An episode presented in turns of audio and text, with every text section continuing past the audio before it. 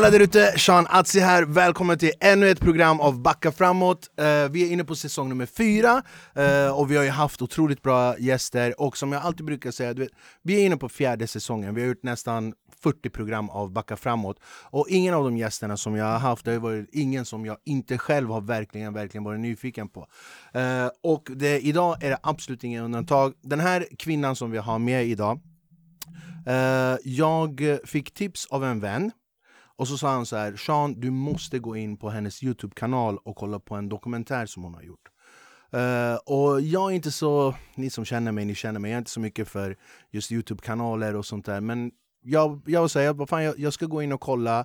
Och så såg jag en dokumentär om den här kvinnan och hennes liv och jag fastnade direkt direkt. Ni känner igen henne från hennes sociala medier, från Ex on the beach, Paradise Hotel. En av de vackraste kvinnorna. Hon är här idag. Ge en stor applåd. Jasmine Jazz Gustafsson in the house. Woo, vilken, in the house. vilken presentation! Vilken va? jävla presentation! Jag tror aldrig jag blivit presenterad så här bra. Den ska skriver, du ha. Jag skriver allting Ja, här. det bara, nej, nej, nej, nej. Han Välkommen! smörar bara för att jag sitter här. Vet du hur mycket skit jag har snackat Ja, bakom dig? Välkommen ska du vara! Tack. Fan vad kul att du är här! Jag, jag menar verkligen det här. Dig har jag sett så otroligt fram emot att ha här. Mm. Och anledningen är att eh, vi har ju lite gemensamma vänner, Smile Exakt. bland annat, tyvärr. Ja, tyvärr. Fan. Inte han nu igen. Inte han, de är överallt de här juggarna. Eh, han, eh, jag känner ju honom väldigt väl, vi har gjort lite grejer tillsammans. och så när vi började med säsong nummer fyra av Backa framåt och så sa han så här Fan Sean, du måste prata med Jasmin. Hon, eh, hon är precis så som hon är här på sina sociala medier. Och så var jag inne och kollade, nu, nu låter jag som värsta stalkern men jag var inne och kollade på din Bara in- erkänna. You love me. Eh, Okej då. Eh, Men jag var inne och kollade och jag tänkte säga bara Men hon kan inte vara så här. Ja. Bara, bara, alltså, det här- Det är alltid så alla känner. Ja, men de bara, det- hur kan man vara så här? Ja men det är inte bara så här ADHD, det är så här varenda Ja. bokstavskombination Ja, som finns. Sen så, och sen så, eh, nu när jag hämtade dig så sa ju det till dig, Mm. jag bara Fan, jag är så glad att du är precis så som du är på dina sociala medier och alla dina plattformar. Och du är så på riktigt också. Mm. Jag är lika liten också som jag ser ut att vara.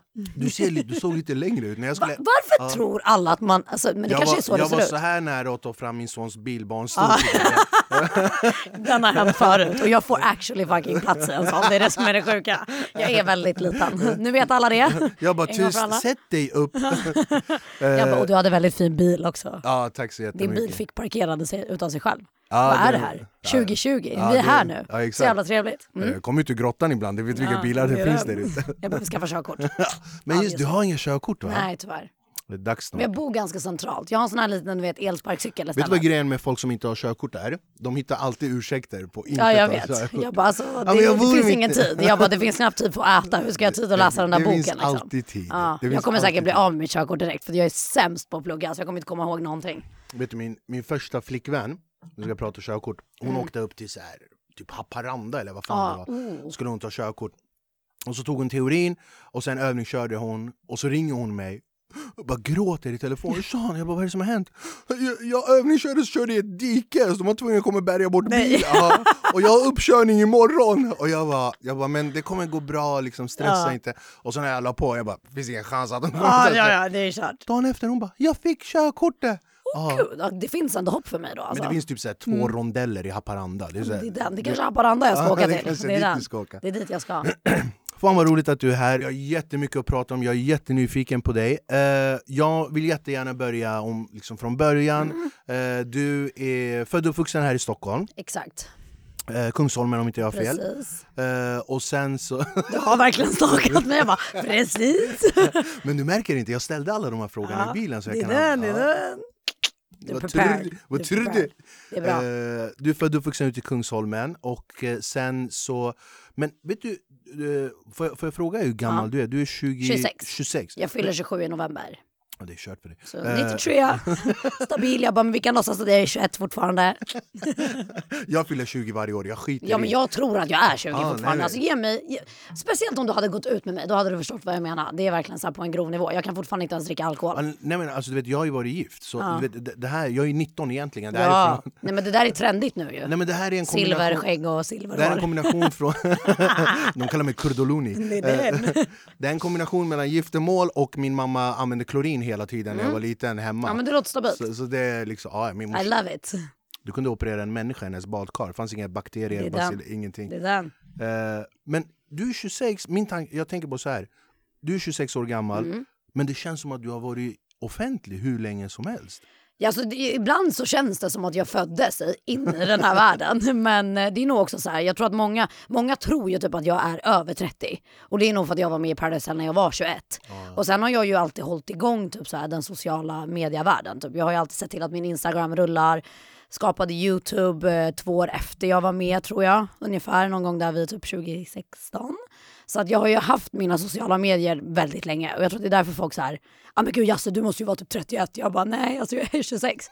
Så att jag började ju tidigt liksom och jag, eh, jag, hade all, jag har aldrig haft ett jobb emellan som inte har liksom innefattat sociala medier. Det var min fråga också. Du har aldrig jobbat med någonting annat än typ vara offentlig? Liksom. Nej men typ inte. Alltså det är så här, jag hade väl några jobb när jag var 18 så här, bara för att jag verkligen ville ha mer pengar än vad jag hade. Men jag bodde hemma fram tills jag eh, var, vad fan var jag? Uh, jag flyttade upp med min kille i Göteborg ett tag och det var typ när vi var, vad fan kan jag ha varit, 23 eller 22. Så att bodde jag i Göteborg i två och ett halvt år och då var det första gången jag liksom inte bodde hemma och bodde med min kille då. då. Och sen flyttade jag tillbaka till Stockholm när det tog slut mellan oss eh, 2018. Så att sen dess bodde jag hemma hos mamma i typ ett år till och sen tog jag min första så här andrahandslägenhet och det var ju pissdyrt. Men jag var så här, fan jag måste kunna jobba dygnet runt för då började verkligen mina sociala medier bli lite mer utav ett jobb. Alltså innan så här, när jag var med i Paradise Hotel då tjänade man ju inte pengar på typ sociala medier. Man gör inte det, eller hur? Nej men när vi var med så var det ju det här bargiggandet. Att man åkte runt i Sverige och festade på klubbar och så fick man väldigt mycket svarta pengar. Så här 5000 i fickan. Ja men precis, och man tjänade ganska bra. Så att, och då bodde jag ju hemma och fick extremt mycket pengar från ingenstans. Och det hade jag ingen aning om hur jag skulle hantera. Så jag gick ut och festade bort typ egentligen i praktiskt sett varje krona. Så jag var inte smart när jag liksom var med i Paradise Hotel första gången tycker jag. Alla, alltså, jag, jag, jag, jag, jag är lite grann samma, liksom. jag var 24 år när jag bara typ exploderade. Exakt. Och, ja, och jag, fick, eh, jag, jag, jag gick ifrån att inte komma in på Sturecompagniet till två månader senare, jag kom in så stoppade musiken och annonserade att jag var där. Ja men exakt. Det, bara två Det går månader. fort. Ja, och jag, jag kunde inte heller riktigt hantera pengarna och vännerna och allting. Men det, det är också en grej att du ska ju inte kunna hantera det. Nej, alltså verkligen inte. Men Och... du, när du är ung, du ska Exakt. festa, gör det Man du ska gör. ha kul. Alltså jag ångrar ju inte den perioden för Men fem öre idag. Men lär dig. Exakt, och jag har typ sagt det totalt tror jag tre gånger under hela min karriär, alltså som offentlig. Så jag har varit så här, fan, nu har det gått riktigt jävla bra pengamässigt tre gånger, men ibland så känns det bara som att man fuckar upp det. Och det är så här, jag vet också att så här, när jag fuckar upp det idag, då får inte jag panik längre för att jag har blivit så himla driven i att vara egen. Så att typ så här, känner jag typ att det, typ nu när corona hände till exempel, då fick jag panik i början. Jag bara, gud, jag, bara, jag behöver jobba, jag behöver fan säkra upp mig nu hela året, vad fan kommer hända nu? Du vet så här, samarbetspartners drog sig ur jag bara, gud, jag tänkte ju typ att det här kan ju inte påverka den sociala världen när det kommer till social media, för det kändes som att det egentligen bara skulle gå uppåt. Men det gjorde det ju sen. Men det som är så jävla intressant när jag får panik är att jag jobbar så jävla bra. Alltså det är inte så att jag går och lägger mig och sover och bara nu går livet under, världen är alltid slut. Kan du sova överhuvudtaget? Jag kan sova, jag älskar faktiskt att sova. Alltså det är verkligen så här, typ söndagar, mina vänner som känner mig väl, de vet det, man får inte tag i mig Men då. jag känner, li- du är lite grann så här. antingen sover du eller så är du så här. Det finns, Exakt. det finns ingen så här mellanläge. Det finns inget mittemellan. Nej, det är alltid väldigt ja. mycket liksom. Det är den enda gången man typ ser mig trött, det är typ när jag är bakfull. Okej. Då är jag trött och då hatar jag människor. Då vill jag verkligen bara ligga i fred och bara "Ugh, rör mig inte. Hur, hur började För jag, jag såg ju den här dokumentären Mm. och, och vi ska ju självklart länka sen till Insta och Youtube. Så jag såg den här dokumentären som du gjorde som jag vill gärna prata om lite senare. Mm. Men jag såg ju den här videon som du skickade till Paradise Hotel som när Mm. du sökte till Paradise Hotel. Den är så jävla sjuk! För det första ser du, helt, du ser ut som en helt annan människa. jag vet, Alltså jag en helt vet. annan människa. Eh, I was young and dumb and, och jag gjorde väldigt mycket fillers. Men vad jag, vad jag, vad jag eh, tyckte var, var så fint, det var att du var så genuin. Mm. Du, du gömde ju inte, du bara, men fan jag, jag, jag ska vara med. Ja, ja, ja, gud, alltså, ja. det var så här, jag ska vara med. Ni, ni, har ingen, ni har ingen chans. Liksom, vad ni än gör, jag ska vara med i Paradise. Hotel. Och du skickade de här, du hade olika karaktärer, Ja. peruk och, och sånt där. Eh, och jag vet att vi var ju känsla på hela den här videon. Ja, riktigt bra känsla.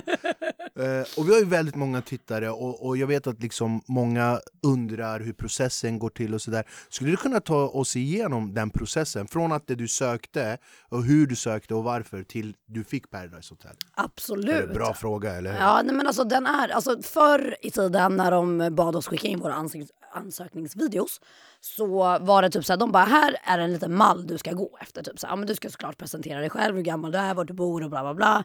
Eh, och sen stod det faktiskt så här, du ska imitera valfri karaktär. Och då Det hade står vi, på ansökningen? Det, det gör det nog inte längre men det gjorde det då.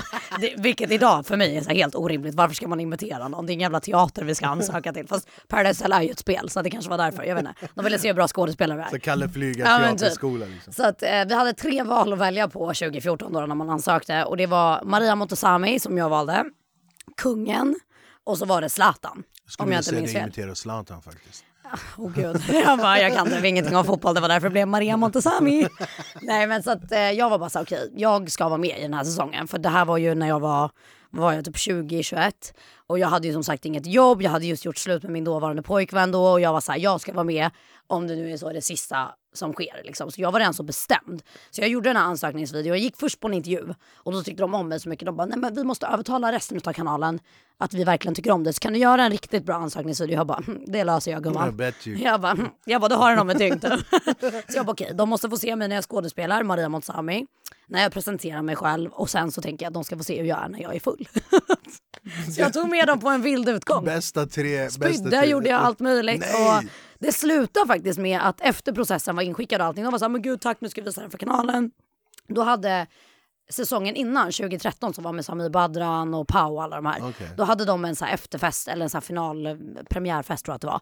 Så då skulle hela TV, kanal 3 vara där och typ så programledaren som var Malin Gramer då. Och allt det här var ju så coolt, för man ville ju verkligen bara vara med i Paradise. Jag var så här, jag var värsta Paradise Hotel-fanet. Jag bara gud, här är alla deltagare, där är programledaren, hela produktionen. Det här var liksom det häftigaste som hade hänt. Så gick jag på den här festen med en tjejkompis som heter Saga Skott som också var med i min säsong. Och vi var där för vi var jättenära vän med hon Paulina Danielsson då. Så hon tog dit oss och varav jag träffar Malin Gramer då på toaletten. Och hon bara så här droppar allting och bara ser mig och bara Jasse, eller hur? Jag bara ja. Hon bara jag såg din ansökningsvideo på kontoret häromdagen Oh och jag har God. sagt att jag kommer inte gå ner och jobba en säsong till i Mexiko om inte du får vara med. Jag bara wow. Alltså, jag bara, det här, ja, ja, jag bara Så- du är typ det coolaste som har hänt mig. Bara, och att du säger det här jag bara ja, ja, jag, jag svävade på moln. Så då visste jag ju typ såhär, jag bara okej men nu är jag typ klar. Och sen typ några veckor senare då var det liksom dags att skriva under papper och så gick man på en sån här slutcasting.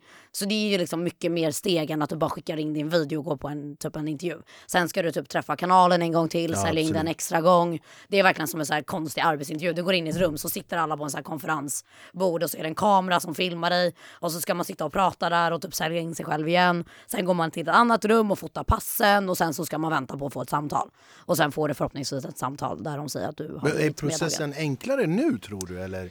Alltså jag vet faktiskt inte hur just Paradise Hotel är. Eller nu idag när man är med i ett program så går det ju väldigt enkelt till. Då är det ju mer så en förhandlingsfråga. Typ, vad ska jag få betalt för Ja, att vara med i en produktion? exakt. Och så är det mer att typ, så här, till exempel min agent sköter hela den processen och sen så är det bara typ pengar oftast man pratar om. För det är oftast nu när de gör såna här all-star-varianter så är det ju oftast kända människor som redan har varit med innan och då är det, de flesta är ju med på grund av pengarna. Det är så. Så nu tror jag att det är mycket enklare process än vad det har varit innan. Liksom. I alla fall när de tar med äldre människor som har varit med innan. Men nu lät vi jättegamla. hur, Äldre människor, pensionärerna. 26-åringar. Jag är, 40, jag är 42. Fan, får att Men lägg av, du är 19. Vad fan Ja, pratar du om? ja, jag, Hallå? 19 i Sverige, säg inte. Det där. Eh, Men hur, hur kände du så här? Ja, men vi, okay, du fick Paradise Hotel och sen så är du med i den och saker och ting börjar rulla på och sen så när du kommer ut för att eh, jag kan känna så här ibland att eh, att hela den här liksom offentliga delen att det bara är en illusion. Mm. Att den finns inte på riktigt. För mig är det så i alla fall.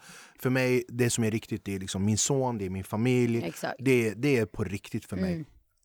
Eh, jag, jag kan faktiskt berätta en kort grej. Jag, det här var många år sedan. Jag hade, eh, Göteborg hade jag på Draken hade jag två föreställningar. Mm. Ja. Och då är det typ så här, tusen pers per föreställning och kaos. Alltså verkligen så kaos.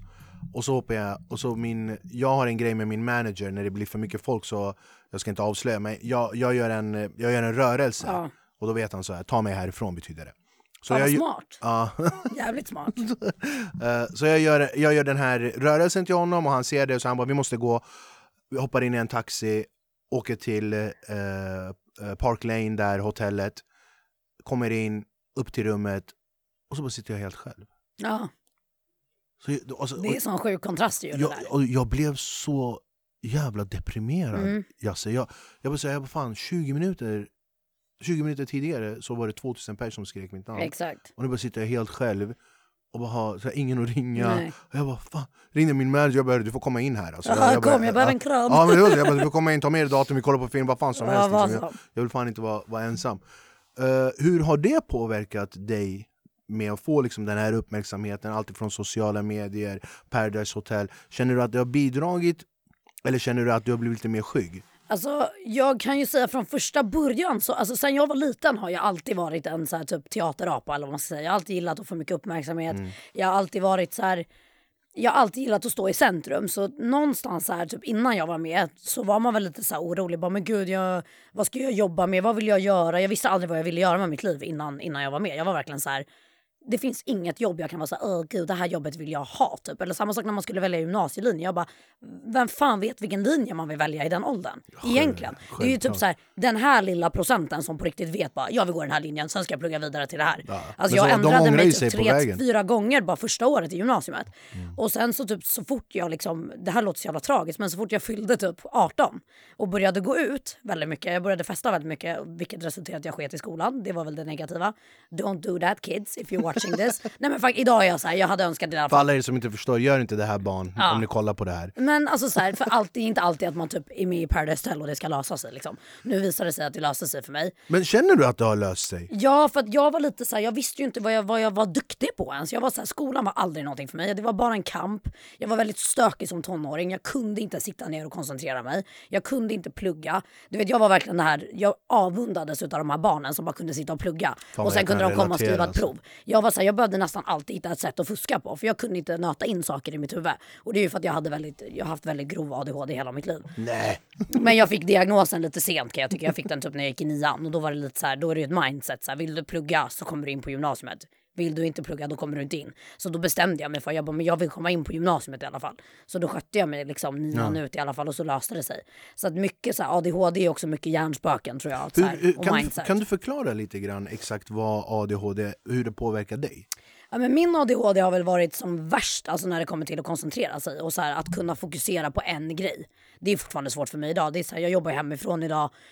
Typ jag ska sätta mig ner och svara på mejl. Nej men då slutar det med att jag typ står och diskar eller att jag typ börjar sätta igång en tvättmaskin. Så det är det här med att jag inte kan, jag kan inte sätta mig och typ bara det här ska du göra. Förutom typ nu när jag har hittat någonting jag verkligen älskar. Typ jag har insett att jag är sjukt duktig på smink. Jag är sjukt duktig på att prata med kameror. Så att jag tror att så ADHD är också en så här styrka om du lär dig att placera den på rätt grej. Jag, jag är faktiskt också sjukt duktig på smink. Ja men vad, vad kul. Ska vi ha en, en battle later? ja, vi kan göra en video. Ja, bara, jättegärna. Nej men faktiskt jag tror att så här, många som har ADHD i ung ålder, jag tror vi många blir väldigt stämplade, vilket jag nämner typ i min dokumentärfilm till exempel att det är alltid väldigt lätt att bli typ det svarta fåret och liksom så här placeras att man är den här stökiga. Men jag tror att det där är en klassisk grej tonåringar gör när man får panik och så här, man inte känner sig hörd eller man känner att man inte får den hjälpen man borde få. Och jag kunde uppleva ganska mycket i skolan att jag inte fick den hjälpen jag behövde få för att jag var stökig och för att jag var trotsig. Och jag var ju trotsig för att jag inte kände mig hörd liksom, utav mina lärare till exempel. Men eh, idag så är jag så här typ till alla som har ADHD, jag pratar ju mycket med mina följare om det också, så här att bara, alltså, det är inte kört. Liksom. Bara för att alltså, saker och ting kan gå åt helvete eller att du inte känner dig hörd. Alltså, det är så här, jag pratade ju mycket med min mamma till exempel. Hon fanns jättemycket för mig till exempel. Och, så här, men, det löser sig alltid. Jag tror bara att man måste hitta sin styrka i, i sin ADHD eller i sina diagnoser man har. Och idag så är ju ADHD och diagnoser ett så mycket större ämne än vad det var för typ några år sedan. Absolut. Så att nu är det ju inte samma sak som, alltså jag minns till och med när jag fick min utredning, då skulle vi utreda mig för dyslexi. Men det slutade med att de såg att jag hade ADHD. Så att, Men du har, du har inte gått på så här medicinering eller sådär? Alltså de ville ju medicinera mig i början när jag fick min diagnos men jag testade de här pillerna i typ kanske en månad, två månader totalt och jag kände bara nej det här är- det går inte. Alltså det- det, är så det- jävla tunga grejer man får du vet och min mamma blev så hon blev ju typ upprörd på läkarna. donar den, eller hur? Det Ja men blir- jag blev helt så här, de gav mig först eh, Concerta. Och det är ju liksom så här, alltså för mig är det nästan så narkotikaklassat. Det finns ju typ amfetamin och grejer i dem. Och vi som har ADHD vi blir ju väldigt neråt på det. Men till exempel vad jag har hört så säljs ju till och med de här pillerna som alltså actual drugs. Och då blir det liksom uppåt för en människa som inte har det. Men det som hände med mig var att jag blev helt, alltså du vet jag blev helt avtrubbad. Den här, så här karaktären idag som jag är väldigt så här, stolt över och som är så här, väldigt energisk. Hela den bara, alltså du vet jag blev en zombie och jag är redan väldigt smal. Och typ tog jag de här tabletterna en timma för sent på morgonen. Då hade inte jag aptit förrän typ 11 på kvällen. Och då ska jag ju ligga och sova för jag ska upp till skolan klockan sju typ. Så det rubbade ju upp hela min kropp och allting. Så min mamma gick typ och skällde ut dem. Hon bara, så det här kan inte ni ge till min dotter. Det funkar inte liksom. Det, hon mår skit och jag ser det på henne liksom. Så att, Så du gick typ någon månad och Ja så men bara... då skrev de ut det här andra Ritalin och det funkade på mig men då var jag så här, då var jag så bestämd på att jag faktiskt ville sitta ner och plugga och lösa det. Så jag bara mamma jag vill inte ha pillerna. Så vi sket i dem och så körde jag på mitt race helt utan och sen dess har inte jag gått på några tabletter för att jag jag tycker det är lite sjukt. Jag fattar de som har grov ADHD kanske faktiskt behöver de här tabletterna som har så pass grov ADHD att de behöver det där för att liksom kunna klara av sin vardag. Men jag kände bara så här, det här är för personlighetsförändrande. Det kändes inte okej att få så tunga tabletter när man var så ung på något Är sätt. det inte rätt sjukt att, att känna hur stark man är egentligen? När man har Och det är bestämt psyket, Ja. det är ju det som är grejen. Och så här, idag så vet jag att jag, så här, jag klarar mig utan. Mm. Alltså, det finns andra sätt för mig. Till exempel jag börjar träna enormt mycket. Jag tar ut mycket av min ADHD och liksom så här, bara träna för mig två gånger i veckan ger mig en Ja, annan såg, typ jag av rutin. du kunde ju liksom. knappt gå, gå här ute. Ja, jag tränade hårt igår. Jag lyfte tungt på gymmet. Min PT slaktade mig. Nej, men jag känner bara så här till exempel, och det har tagit mig 26 år att liksom verkligen börja tycka om att träna. Innan var jag typ så här, Smile brukade ju garva åt mig. Han bara, alltså, hon kommer aldrig gå till ett gym. Han bara, alltså, jag, han bara, jag trodde det var kört ett tag. Det är så här, han bara, jag, hade- han bara, jag hade aldrig kunnat se att jag skulle kunna stå och träna med dig. Han, men idag, jag, så säger till mina vänner, jag bara, alltså, idag kan jag inte ens se ett liv utan träning. Det är så synd om hans smile också, han är så otränad stackarn. det är så jävla synd om Ja, han. så är så- Den där jävla kroppen. Så är, ful, Ja, otränad, det är inte okej. ingen charm, ingen humor. Nej. Allt är emot honom. Det, hans liv suger. Det, det är så jobbigt med Smile. Man vill inte alls se ut som Smile. Absolut inte. Det är inte Jag alls. sa det till honom faktiskt eh, häromdagen, han var här häromdagen. Och så sa jag till honom, jag bara, "Hörru, du, du går ju på droger eller hur? Du tar ju anabola. Han bara nej, aldrig i livet. Jag bara, alltså för min skull kan du bara säga att du Ja, gör kan det? du bara erkänna? Ja, för jag, jag, i mitt huvud, Han har jag, tränat så länge Ja, alltså. men jag säger, I mitt huvud, jag, jag vill inte tänka att en människa kan se ut så där. Ja. Jag vill att han ska säga nej men jag går på droger, jag bara okej men jag kan aldrig röra droger så jag kan inte se Ja. ut så där. Ehm, jag vill också eh, prata om eh, den dokumentären som Mm. du har gjort. Och nu har jag nämnt det ett par gånger. och vi, vi, har ju, vi har ju väldigt mycket tittare som tittar på den här och de är ju självklart nyfikna Mm. på dig. Eh, jag såg ju den här dokumentären du gjorde. Och eh, ett av de mest öppna, ärliga dokumentärer jag har sett, verkligen.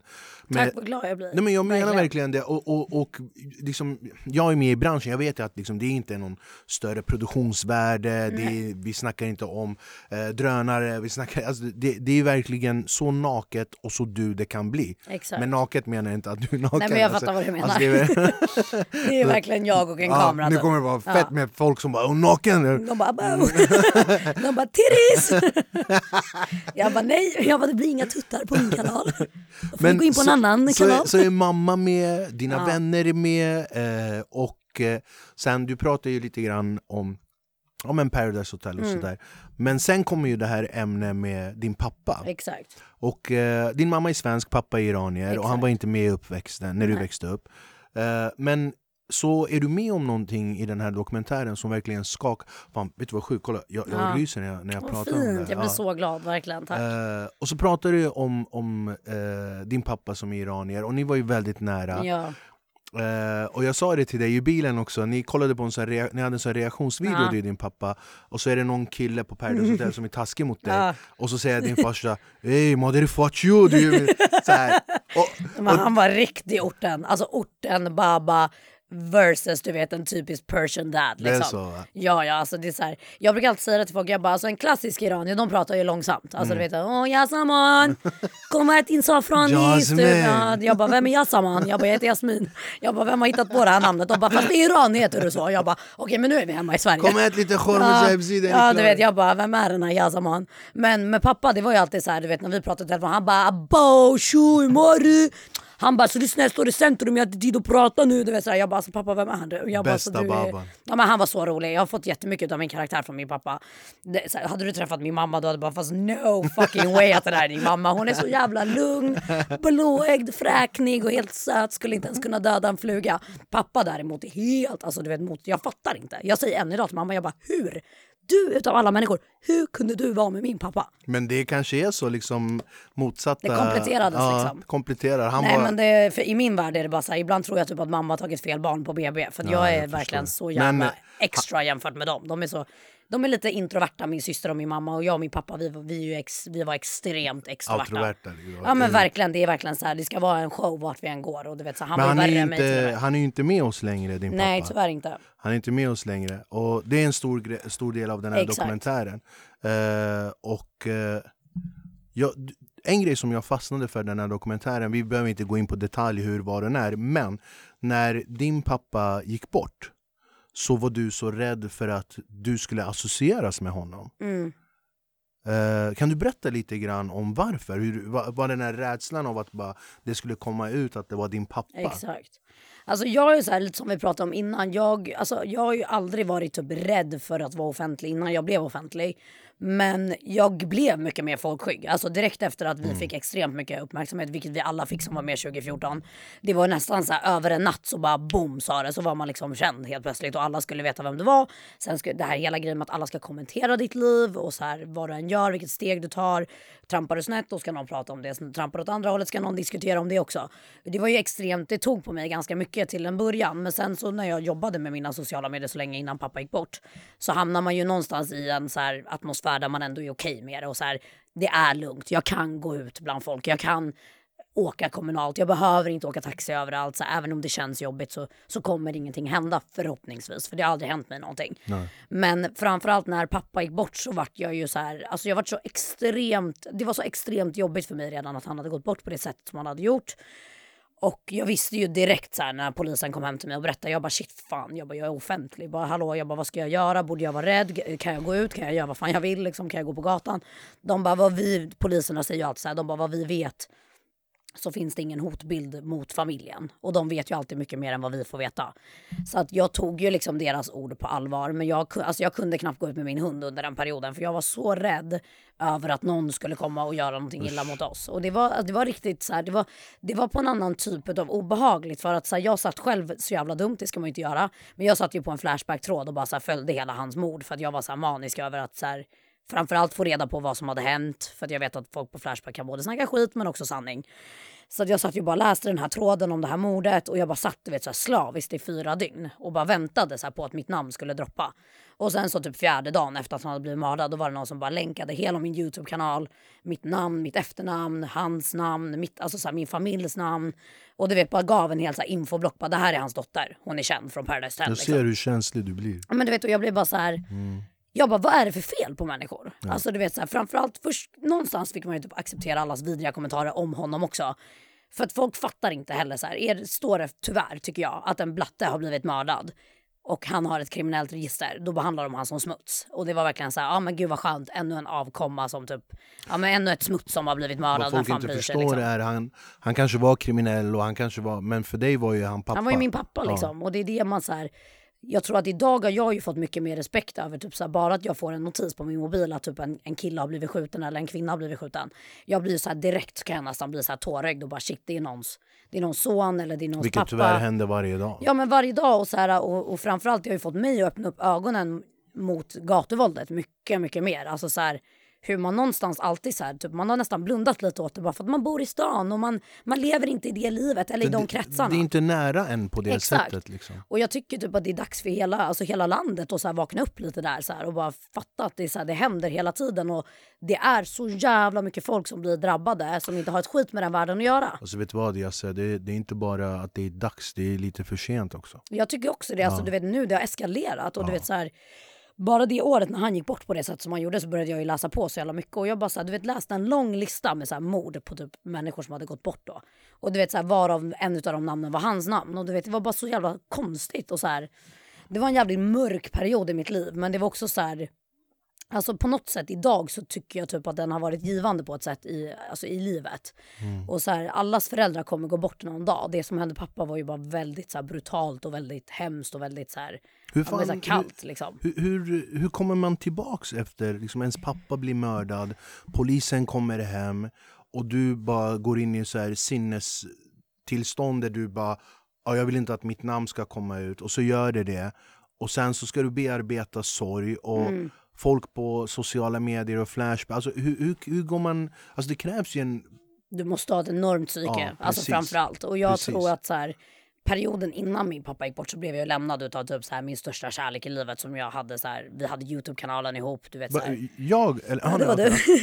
Nej men Adrian hette han. Många som följer mig håller koll på vem han är. Men han har också varit med i en dokusåpa och vi träffades via, via den världen liksom. Och blev så här jätteförälskade. Och det var han jag flyttade till Göteborg och du vet så här, pausade hela mitt liv. Alltså jag levde för den människan i praktiskt sett. Så när han lämnade mig, det här var typ tre månader innan pappa gick bort.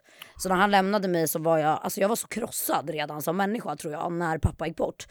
Och jag hade äntligen du vet, kommit i den här, så här uppresningsfasen där jag var lite så här shit jag har gått ner i vikt så mycket jag måste börja träna, jag måste göra någonting. Bara för att inte tänka på att jag är hjärtekrossad liksom. Så jag reste mig upp en dag och bara så här, nu skaffar jag PT. Jag måste börja träna, jag måste bara börja ta hand om mig själv. Jag måste någonstans börja. Så när pappa gick bort så hade jag äntligen du vet, någonstans kommit bort från det här sängliggandes modet. Och jag var bara så här, jag kollade på den sängen min så jag bara, jag kan inte lägga mig där igen. Alltså jag har inte, jag bara, jag kan, jag, och jag kände också någonstans inombords så jag bara det här är inte det pappa vill. Han vill inte att jag ska lägga mig ner i en säng och liksom ligga och gråta över honom. Sen gjorde jag ju det Första dagarna var ju så här vidriga, du vet, det är som en sån här mardröm. Man bara ligger och sover, vaknar upp, sover, vaknar upp. Man Men tror sen, inte att det är sant. men sen liksom. till slut, du vet, jag blev lite så här, jag bara okej vad är det som ger mig glädje? Och det var typ att börja jobba igen. Och jag, verkligen- jag tog ju en paus på typ tre månader direkt efter. För jag kände, jag bara ringde till min agent. Jag bara, vet du vad? Allting, bara blås av allting. Alla samarbeten, inget, jag vill inte jobba någonting nu framöver. Jag måste bara vara med min familj liksom. Och eh, det var jag liksom verkligen i så här, typ tre, två månader så var jag helt off. Alltså verkligen, jag bara tog en paus. Och sen så stack jag ju, jag hade ju skrivit under ett kontrakt till att dra iväg och spela in en ny säsong utav Ex on the beach. Och min agent Rosanna hon var så här, men det blåser vi av. Hon bara, alltså, du, du ska inte in i det huset och hänga med ditt jävla ex som är en idiot liksom. Och bara så här, du kommer bara må dåligt utav det. Men sen till slut när det gick så här, till en period efter vi hade begravt pappa, jag bara, vet du vad? Jag bara ringde henne, jag bara, jag vill härifrån. Jag klarar inte av att vara i Stockholm en sekund till. För jag var så jävla rädd. Alltså jag var så rädd hela tiden. Så kände jag mig förföljd. Jag kände mig iakttagen. Så även om jag inte ens skötte mina sociala medier så kändes det som att jag hade ögon på mig hela tiden. Och jag var bara inte beredd. Du vet. Jag bara, jag, jag flyr hellre nu. Du fastnar ju liksom. Ja, men jag, den- bara, jag är hellre inlåst i ett hus och Ja. kanske, det här kanske låter helt sinnessjukt för vissa människor men jag bara, jag är hellre inlåst i Ex on the beach med mitt ex och så här super varje dag istället. Och då fick jag loss de känslorna du vet som jag behövde. Värsta det ville. rädslan är ju en rädsla som du inte kan kontrollera. Exakt. Om, alltså, vissa rädslor finns, alltså man, man är rädd liksom, ja, men, i sig själv, man vet hur man funkar, man kanske är rädd Precis. för liksom, jobb eller personer. Men den typen av rädsla som man vet inte när det kommer, Exakt. den är ju värst. Så jag kände bara, jag bara I'm out of here bitches. Bye. I'm out. Och det var väl både så här, det var väl både bra och skitdåligt för mig. Jag mådde ju inte, jag skulle ljuga om jag sa att jag mådde exemplariskt de veckorna jag var inne i huset. Det var ju jätte, alltså det var ju extremt intensivt att behöva vara med sitt ex och riva upp de såren. Och sen på det skulle jag bearbeta den här sorgen. Men sen så när jag kom hem då var jag bara såhär, nej men nu, nu måste jag göra någonting som jag mår bra utav och det är att börja jobba igen. Så jag började spela in otroligt mycket YouTube-videos, jag började producera dokumentärfilmer med min producent. Jag bara satte igång massa projekt och någonstans i alla de här projekten så kände jag att jag mådde så jävla bra utav att vara tillbaka och bara ha en så daglig kontakt med mina följare som är typ så här, de är en stor del av mitt liv och de är någonstans mina bästa vänner. Likaså som du kan känna, du vet det här med ensamheten. De dagarna kommer ju fortfarande så här, ibland att jag bara ser så här, hela mitt liv och bara så här, shit jag har värsta lägenheten nu, det har gått så jävla bra för mig de senaste tre åren. Men så kan jag stå där med min mobil och mina tusen jävla följare och bara, fast jag är så jävla ensam. Men vet du vad jag har lärt mig med åren? Jag har lärt mig att det är en jättestor skillnad på att vara ensam och vara själv. Exakt. Eh, själv, jag kan till och med ibland njuta av att vara själv. Ja, precis. Bara liksom me time, jag gör det jag vill, hur jag vill. Men ensam, den är jobbig. Alltså, det är bara, Exakt. alltså, Det är, det är som du säger, det är två olika grejer. ja, verkligen. det, det är två, men tänk dig själv, så här, ska gå och ta en fika och ingen att ringa. Ja, exakt. Och där är man ju inte. Det är så här, Nej, precis. Inte alls. Jag har ju liksom enormt mycket vänner. Men det är bara hela den här grejen. Ibland tror jag att jag har jobbat så mycket. Mm. Så att ibland tänker jag så här, uppoffrar jag för mycket för att typ nå mina mål? Och du vet, så här, ibland jag har träffat helt så här, fantastiska killar längs vägen till exempel nu när jag varit singel. Men varje gång det börjar bli för seriöst då stöter jag bort dem och bara jag har inte tid. Jag har inte tid Välkommen för kärlek. till- jag, måste, jag klubben." måste jobba. Du vet, och de Väl- bara men det är skitsexigt att du är en driva, driven kvinna och jag blir så här jo du kväver mig, hej då. alltså du vet. Alltså, vet du, Nej men det är nog grovt fel börjar jag jag, tro. jag är precis likadan. Men typ så här, jag, jag hade den diskussionen med, med en kompis till mig, men han, han bara så här, men fan du träffar ju så här jättebra tjejer, ja, men så här, läkare, Ja. alltså, du vet, vad fan som helst liksom. Vackra kvinnor och så här, va? Och, och jag är så här, jag bara, men säg att typ, jag har dejtat tio tjejer senaste åren typ. Mm. Det är självklart, det är inte alla tio, det är, det är mig det är fel på. Exakt. Det, alltså rent, Ja men det är det jag menar. Det är, rent statistiskt är det det är omöjligt. jobbigt Det, att komma på den grejen dock. ja, men vet du, jag mår bra av det. Av, av att veta så här, nej jag är fucked up, vad ska jag göra? Exakt. Som tur är, jag har ju som sagt en son, Kian, babba älskar dig min fina. Baba. Ja, han är mitt allt. Som, jag har ju min son där jag kan bara, vet, jag är Ja, som curlingpappa. Vet, jag bara, "Ugh", all Ja. min kärlek, allting. Liksom. Ja men det är verkligen så, jag bara allt. Men det är "Ugh." fint. Ja, men han är mitt allt. Men det, alltså, förhållande, det, det ja, jag vet, är du, är du singel nu? Idag är jag, idag är jag singel men jag är så här, jag tror, jag och Smile har pratat om det också en miljon gånger, att vi båda är så här, gud vi är verkligen på en plats i livet där vi verkligen borde typ träffa någon nu. Men både han och jag är så här, vi- det enda vi gör dygnet runt är att jobba. Och jag börjar nästan tro så här, jag bara vem, alltså vem där ute kommer palla med det här? Jag bara inte ens jag själv pallar med mig själv liksom. Det är så här, så jag bara I will die alone. Nej men det tror jag inte. Gre- jag tror bara att jag vill ha de här, du vet, jag, jag har planerat någonstans i mitt huvud att de närmsta fem åren, det ska vara karriär liksom. Men alltså, säger, du kommer aldrig kunna vara lycklig med någon om du inte är lycklig i dig själv. Exakt. Du kommer aldrig kunna älska någon om du inte älskar dig själv. Det är Precis. bara tillfälligt. Om du skulle träffa någon nu där du bara ah, det är karriär, det är det, jag har inte tid. Alltså då är det bara tillfälligt. Sen efter en tid då blir du såhär, nej men det här är inte riktigt mina prioriteringar. Exakt. Det här är inte riktigt liksom vad jag vill. Jag vill inte ha hela det här eh, gifta, bo, barn. Men det är ju typ det jag tror att det handlar om egentligen. Ja. Man skyller någonstans på att man typ har mycket att jobba men egentligen, på riktigt nu om jag ska vara helt ärlig, Ja. hade det känts 100% rätt då prioriterar man ju den människan. Tror jag. Alltså jag tror det är en kombination om jag Ja. ska vara helt ärlig. Jag, alltså så här är det. Jag, jag tror så här. Mm. Om du träffar den rätta, då behöver inte du kompromissa. Nej exakt. För att den, den rätta vet liksom Och var fan är han? Hallå, kontaktannons! Jag bara, är du den rätta för mig? Nej, men jag tror om man träffar den rätta, den människan vet liksom okej, ja, hon, hon är driven, hon, det här betyder jättemycket för henne, det här är hennes prioriteringar och jag ska bara stötta henne. mm. Och sen är det ju upp till dig att liksom bara tänka så släppa här, in det kanske. Ja precis, och inte säga bara Åh, nej, Ja. du kväver mig. Ja, men varför det, är inte, varför- det, är du, det är inte du, det är jag. Nej, men, alltså, om någon är snäll mot mig, du vet, alltså riktigt snäll, alltså, nu snackar vi så här, alltså en bra kille, då känner jag mig kvävd. Är det sant? Det är något fel på mig. Jo, det, nej, Det är något fel. allvarligt. Nej, men jag, har liksom, alltså, du vet, jag har granskat och rannsakat mig själv nu senaste gången jag träffat någon och bara det var inget fel på honom, det var jag. Det är den här klassiska it's not you it's me. Ja. Det är så det, är så, det är cringe, så men det mycket är med så sant. jobbet just nu. Ah, det är så mycket. Har du kört den också? Ja, ja, gud, ja, varje dag. alltså gud förlåt, så mycket med jobbet. Men det är ofta så här, jag tror att jag prioriterar Jag ju... måste älska mig själv Ja, nej, men jag tror först. bara att jag prioriterar mina, dy alltså mina dygn, mina timmar på dygnet Mm. lägger jag oftast på att jobba. Och det är också för att jag älskar mitt jobb. Ja men du mår ju bra av det. Ja men exakt. Att, det, det är det jag menar, du mår ju bra av det och Ja, den människan precis. Mm. som kommer in i ditt liv ska ju förstå det. Men det blir svårt också, alltså, som jag har märkt en grej med dig, du, du mår ju bra av att ha väldigt mycket grejer på gång Exakt. hela tiden. Och, och det, det är inte så en grej det här gör, det är liksom 150 gärna, gärna typ fem projekt Det samtidigt. är så? Liksom. Ja, jag, är, jag är lite likadan, men jag Då har är jag lärt stimulerad. Då mår jag bra. är, Fem projekt, då är jag Jag, stimulerad. jag är Fy- som mest eh, oproduktiv när det är så här, fan, vad ska jag göra den här veckan? Då kommer jag bara ligga och släka en hel vecka.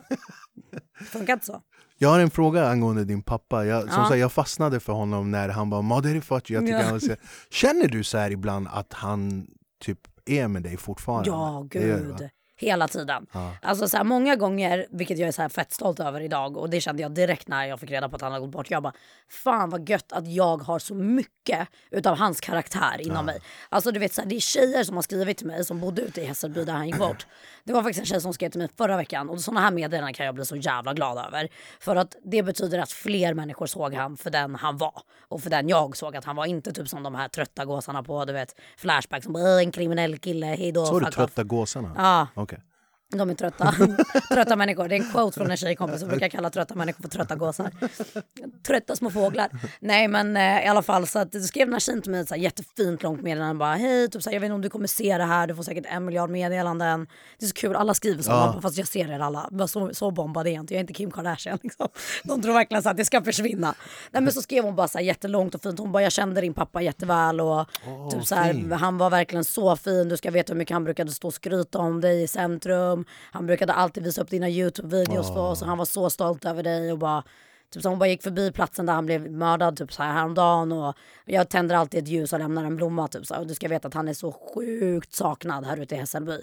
Och du vet att få höra sånt, då vet man så okej, okej, de människorna som bodde nära honom där ute, de såg han för den han var. Liksom. Och det är lite det jag kan känna idag så med mig. Att de skriver oftast de bara, fan vad man ser att du har fått mycket av din pappa i din karaktär. Och de är verkligen alltså bara, han hade varit så jävla stolt över dig. Det är också en otrolig bekräftelse på att han var en fin Han människa. var så fin när verkligen. han, när han har berört folk man inte ens känner. Men du vet, liksom. så han, hade, han hade aldrig mycket pengar eller något sånt där. Men han hade bara så jävla mycket kärlek. Så här, och Många av de här tjejerna och som är yngre som har skrivit om bara, så han var bara så snäll mot alla. Och bara stod och så här, var rolig. värt- Du vet den här centrumblatten. Det är värt, Som bara står och bara eh, ej, du vet det är helt hetsigt. Typ, står och Det är spelar värt hästar eller tusen gånger mer än alla pengar i, i världen. Exakt. Och bara, vara- bara, jag, alltså jag skulle hellre folk säger till mig han var så snäll istället för att han var så rik. Ja, Men exakt.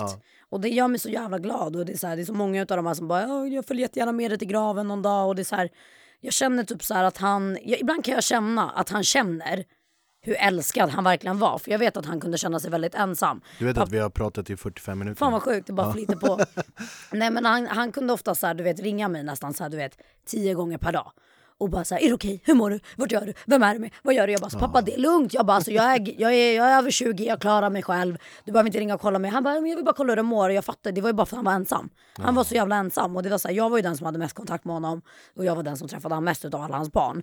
Så att eh, hans bortgång tog ju mest på mig. Men samtidigt så är jag så här, jag är så jävla glad över att jag typ så här, du vet ibland kan jag bli arg på mig själv att jag var så här, "Ugh, jag klickade för han var jobbig. Du vet idag, jag hade mördat för de här samtalen. Jag hade kunnat göra vad som helst. Jag hade kunnat göra vad som helst för att det bara står att pappa ringer dig. Men ändå, ändå det måste kännas otroligt skönt för dig att han var vid liv och såg liksom dig bli den kvinna du är Ja, idag och, och gick ifrån det här ja, men stökig Ja, i skolan, exakt. bla bla bla till att hon är stabil, hon bor själv, hon har sin karriär. Liksom, Men han, jag tror han ändå någonstans här vilar i frid på något sätt kan jag känna det. Han har ju aldrig sett typ nu att jag fick egen lägenhet och sånt men jag känner ju typ i min lägenhet till exempel. Det har varit så extremt mycket energi där. Det har jag märkt av. Vissa dagar är det mer än andra. Och så här, ett, tag, ja, men ett tag så kände jag verkligen jag bara, Sånt det där spökar skrämmer skiten ur mig, Ja alltså. men jag blev också rädd i början men sen så typ så här, det, var typ, det började faktiskt med att mina följare märkte det i en reaktionsvideo. Så kallas det för så här, det här är så här om man tror på sånt. Men det kallas för orber när det typ så här kan se ut som att det kommer antingen damm eller liksom en skugga eller rök typ. Och i min video så, det här märkte jag ju själv i kommentarerna. De bara alltså du, de bara när du typ skäller ut en av deltagarna så skickar de tidskoden. De bara när du typ rör din hand så ser man att det bara kommer som en rök. Och du vet jag bara spolar fram och tillbaka. Jag bara det är verkligen actual smoke. Det ser ut som att jag sitter och röker. Och du vet det är verkligen i samband med att innan jag satte mig ner så var jag så jävla stressad, upprörd över mitt jobb. Jag skulle till Marbella några timmar senare, jag var bara så arg på allting. Och så var jag arg i videon exakt när det där hände. Och då kände jag typ som att det var han som bara, det är lugnt, typ, så allting löser sig, lugna ner dig, du vet sådär. Och sen så var det också att det hände så en gång när jag var iväg på ett möte. Och jag är extremt pedant. Alltså hade jag sett en kladdig fläck på min spegel och min Uber står och tutar utanför hade jag fortfarande ställt mig och städat bort den. När jag kommer hem från det här mötet så facetimar med min bästa vän. Varav han ser på min blick när jag ska tvätta händerna att jag typ, det ser ut som att jag har sett ett lik. Jag bara, Sebbe, jag bara, någon har varit i min lägenhet. Han bara, fan vad du ljuger. Jag bara, någon har varit i min lägenhet. Jag bara blev livrädd direkt. Jag bara, någon har typ försökt skriva på min spegel. Så filmade jag till Sebbe, han bara, det där ser helt sjukt ut. Och det var typ som olja och att någon hade försökt skriva så här bokstäver. Och då frågade jag en av mina så här, lite spirituella vänner. Jag bara, vad betyder det här? Jag bara, för nu har det varit extremt mycket energistrul, du vet med tvn, kontroller, alltså du vet så här, ingenting ville fungera under en viss period i min lägenhet och så här, lampor flimrade till. Och då sa han, min, min, eh, en av mina bästa vänner, han bara, du spenderar fett mycket tid vid speglar Jasse. Han bara, det där är första steget för dem att försöka kommunicera så här, jag är här. Och typ det är okej, typ så här. Och de vill oftast bara veta att det är okej att de är där. Och sen när han har varit över då min nära vän som är lite spirituell så har han känt av en sån manlig, menar, en manlig karaktär i lägenheten. Tror du på sånt? Eller? Ja, Alltså det- ja, jag gör typ det. Jag tror väldigt mycket på energier och typ så här, jag har väldigt mycket så här kristaller och stenar och sånt Du vet hemma. du har skrämt skiten ur mig nu. Ja, men du vet, så här, jag renar min lägenhet med salvia och grejer och sånt. Jag har ofta väldigt mycket folk över. Jag tror ju på att så här, att energier kan samlas i din lägenhet. Du vet att du kan känna att det blir nästan kvävt. Typ, så här, jag har ofta mycket folk över. Och så här, det behöver inte betyda att det är dåliga, dåliga energier. Men det kan bara vara att någon kommer in i din lägenhet. Som har Ja, dåliga... men som har haft en ja. dålig dag eller har gått igenom någonting jobbigt. Att energierna stannar oftast liksom i vissa föremål. Så att jag renar mitt hem ganska ofta. Och jag tror mycket på så här, jag är inte troende men jag tror mycket på den spirituella världen. Liksom. Jag tror inte att du bara dör. Jag, tror, alltså, jag, jag tvekar på att du bara försvinner. Ja, alltså det, livet kan ju inte vara då. Man föds, lever och dör och så är det över. Nej. Liksom. Jag, jag tror inte heller det. och jag tror ju så här, de säger ju alltid de är med dig och de är ju med en på något sätt. Kan vi snälla byta ämne? Ja det gör vi, du är livrädd. Ja, här- jag bara, jag kan ge dig ett kit sen, salvia, alltihopa. Nej, fan, jag är jätterädd för sånt där. Ja, det är helt så, seriöst. det är Nej, så. jag, är så här, jag allt älskar med, sånt. Allt med så andar och spö... Nej, fan jag... Man ska, man ska inte leka med det, det har jag Nej, lärt mig. Men man ska ändå ha respekt för det och så här, med veta att det finns. Liksom. Men vad du, eh, om vi ska gå vidare, vad har du på G nu? Alltså, vad är som, du har ju dina YouTube, YouTube-kanal, Ja, jag har min Instagram. YouTube-kanal, jag har min och, Instagram. Ja, och alla är där ute, alltså, vill ni verkligen underhållande YouTube-kanal, prenumerera på henne. Det är It's amazing. först på mig, sen på henne. Ja, Eh, det. men eh, det, det jag också tyckte, tycker om med dig, du har ju så mycket humor. Ja. Och det skiner verkligen igenom liksom, på kanalen. Så det är din Youtube-kanal, du har eh, dina sociala medier. Eh, hur är det med eh, tv-jobb och sånt där? För att, eh, jag fick höra att... Jag bara yeah! Jag bara snart är jag tillbaka på en tv-skärm nära dig. är det så? Ja men det är faktiskt så. Jag var ju iväg och gjorde Ex on the beach Sverige, Sverige för första gången. Ex on the beach Sverige, Sverige. Ja, vad i innebär, Sverige. Vad, vad Hemma innebär? i Sverige på Ja, Ex on hemmaplan. the beach i Sverige. Vad, Corona edition har jag döpt den till med ett, med ett fulare ord. vad spelar ni in eh, den någonstans då? Vi spelade in i Stenungsund i somras, hela sommaren faktiskt. Okej. Så vi var ju på västkusten och eh, gjorde ja, en historisk säsong som de själva vill döpa det till eftersom att det är första gången det spelas in hemma i Sverige. Men eh, det var sjukt intressant att få vara med på en Och det sån är typ så här corona-anpassad eller? Ja, alltså corona och corona, det är så här, vi testades typ innan vi skulle in och när vi åker ut och om vi ska in. Ja men du vet så här, man testas liksom om man ska in och ut. Men eh, alltså produktionen sköttes väldigt likt sen innan men det kommer vara en del ändringar. Utan att avslöja för mycket så är det ju väldigt likt Ex on the beach bara att det är det är ingen beach längre. Det är västkusten. Det är summer edition. Nej men det är det kommer nog bli kul. Jag är, faktiskt för första gången på riktigt länge typ lite nervös över min medverkan. Och det är Aha. bara för att, som jag pratade om innan, att jag typ är 21 när jag dricker alkohol. Så det kändes lite som att jag så här att, eh, jag gick in med ett mål. Att det här var ett betalt bra tv-jobb och att jag inte skulle bli kär, jag skulle inte eh, hångla med någon, jag skulle absolut inte vara singel. Jag, nej, men jag skulle inte göra någonting dåligt enligt Och allt gick åt helvete? Allt gick åt helvete efter ett dygn. Jag hade så här, enligt mitt avtal att jag skulle få ringa min agent tre gånger. Jag ville inte ens prata med henne efter en dag för jag bara hon kommer hata mig efter det här, hon kommer inte ens vilja jobba med mig efter det här. Så jag typ så här, när jag kom hem från den här säsongen låg jag typ och grät i fyra dygn. Jag bara min karriär är över. Men eh, nu har det lugnat ner sig och jag har fått höra lite att jag sköter mig bra och att det, det ser bra ut. Så att jag är taggad på att se den här säsongen. Så det blir Ex on the beach Sweden Sweden. Va, har du någonting mer på gång med Mm. Ja, kanalen? jag har ju mina online sminkkurser som rullar på. Jag släppte Exakt. min tredje för eh, två månader sedan. Så att eh, de bara rullar på. Det har faktiskt blivit en så enorm succé som jag inte själv var beredd på. Men de är sjukt, sjukt billiga och sjukt intressanta för er som vill lära er att sminka er under en billig peng. Och sen har jag nyligen Du lät gjort... som Ullared. Ja, jag bara, Du lät som Ullared. ja, jag bara Ullared, sjukt billigt, sjukt informationsrikt. Har du är varit i faktiskt- Ullared? Nej men, nej men för fan, jag har aldrig varit där ens. Jag var där en gång. Jag, nej, men jag blatt- hade fått ångest tror jag. jag var där en gång, jag och blattarna som tiggde pengar utanför, vi var de enda babbarna där. Uff. Sen, sen, Sen var- är det Ulla-Britt och gänget. ja, det är det det. Ulla-Britt Nej men jag känner Ullared är ingenting för mig. Jag, jag må vara halvsvensk men jag är väldigt osvensk svensk om man säger så. Eh, men sen har jag också nyligen faktiskt gjort en jättefin så här, välgörenhetskampanj tillsammans med Bracelet of Unity som jag har på mig idag för det är ju Bröstcancer. oktober precis. Så att vi säljer de här banden eh, tillsammans med en killkompis som heter Bassem. Han gjorde de här banden nu när eh, den här enorma explosionen i Libanon hände Exakt. så kände han sig väldigt så här, hjälplös hemifrån. Så han skapade de här banden, han gör dem själv hemma.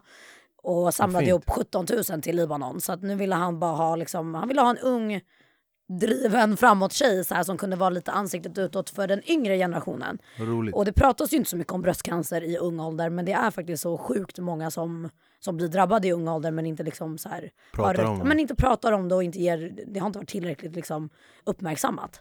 Så att just nu är det den här lilla grejen vi håller på med och eh, det känns sjukt kul för jag har verkligen så här kommit till en punkt i min karriär tror jag där jag, jag gillar att vara framför kameran. Mm. Men ju mer jag jobbar nu så kommer jag vilja jobba från att liksom bli mer bakom. Och kanske typ så här, hitta nya unga stjärnor som är duktiga på det jag är duktig på och kunna hjälpa dem att gå rätt väg. Och, så jag är väl på väg lite åt att liksom vilja gå mer bakom och inte bara vara liksom ansiktet utåt hela tiden. Och vi, eh, vi här på Backa framåt-redaktionen, vi önskar dig all lycka verkligen. Tusen och tack. Vet du, det, här, det här gick mer eller mindre precis som jag trodde att det skulle Ja, men göra. vad bra. Ja, eh, Bra eller dåligt? Jättebra, 100 10 av 10. Eh, vi eh, tackar Jasmin Gustafsson, tack, Tack så, så mycket. jätte- jättemycket och vi kommer självklart lägga ut eh, hennes eh, Youtube, Instagram, smink, allt som det finns. Eh, gå in och följ henne, tack så jättemycket för att du är här. Tack Vi syns nästa vecka, onsdag 18.00, Youtube. Innan vi går, Kian Baba älskar dig. Kärlek, respekt. Tack Jasse! Tack.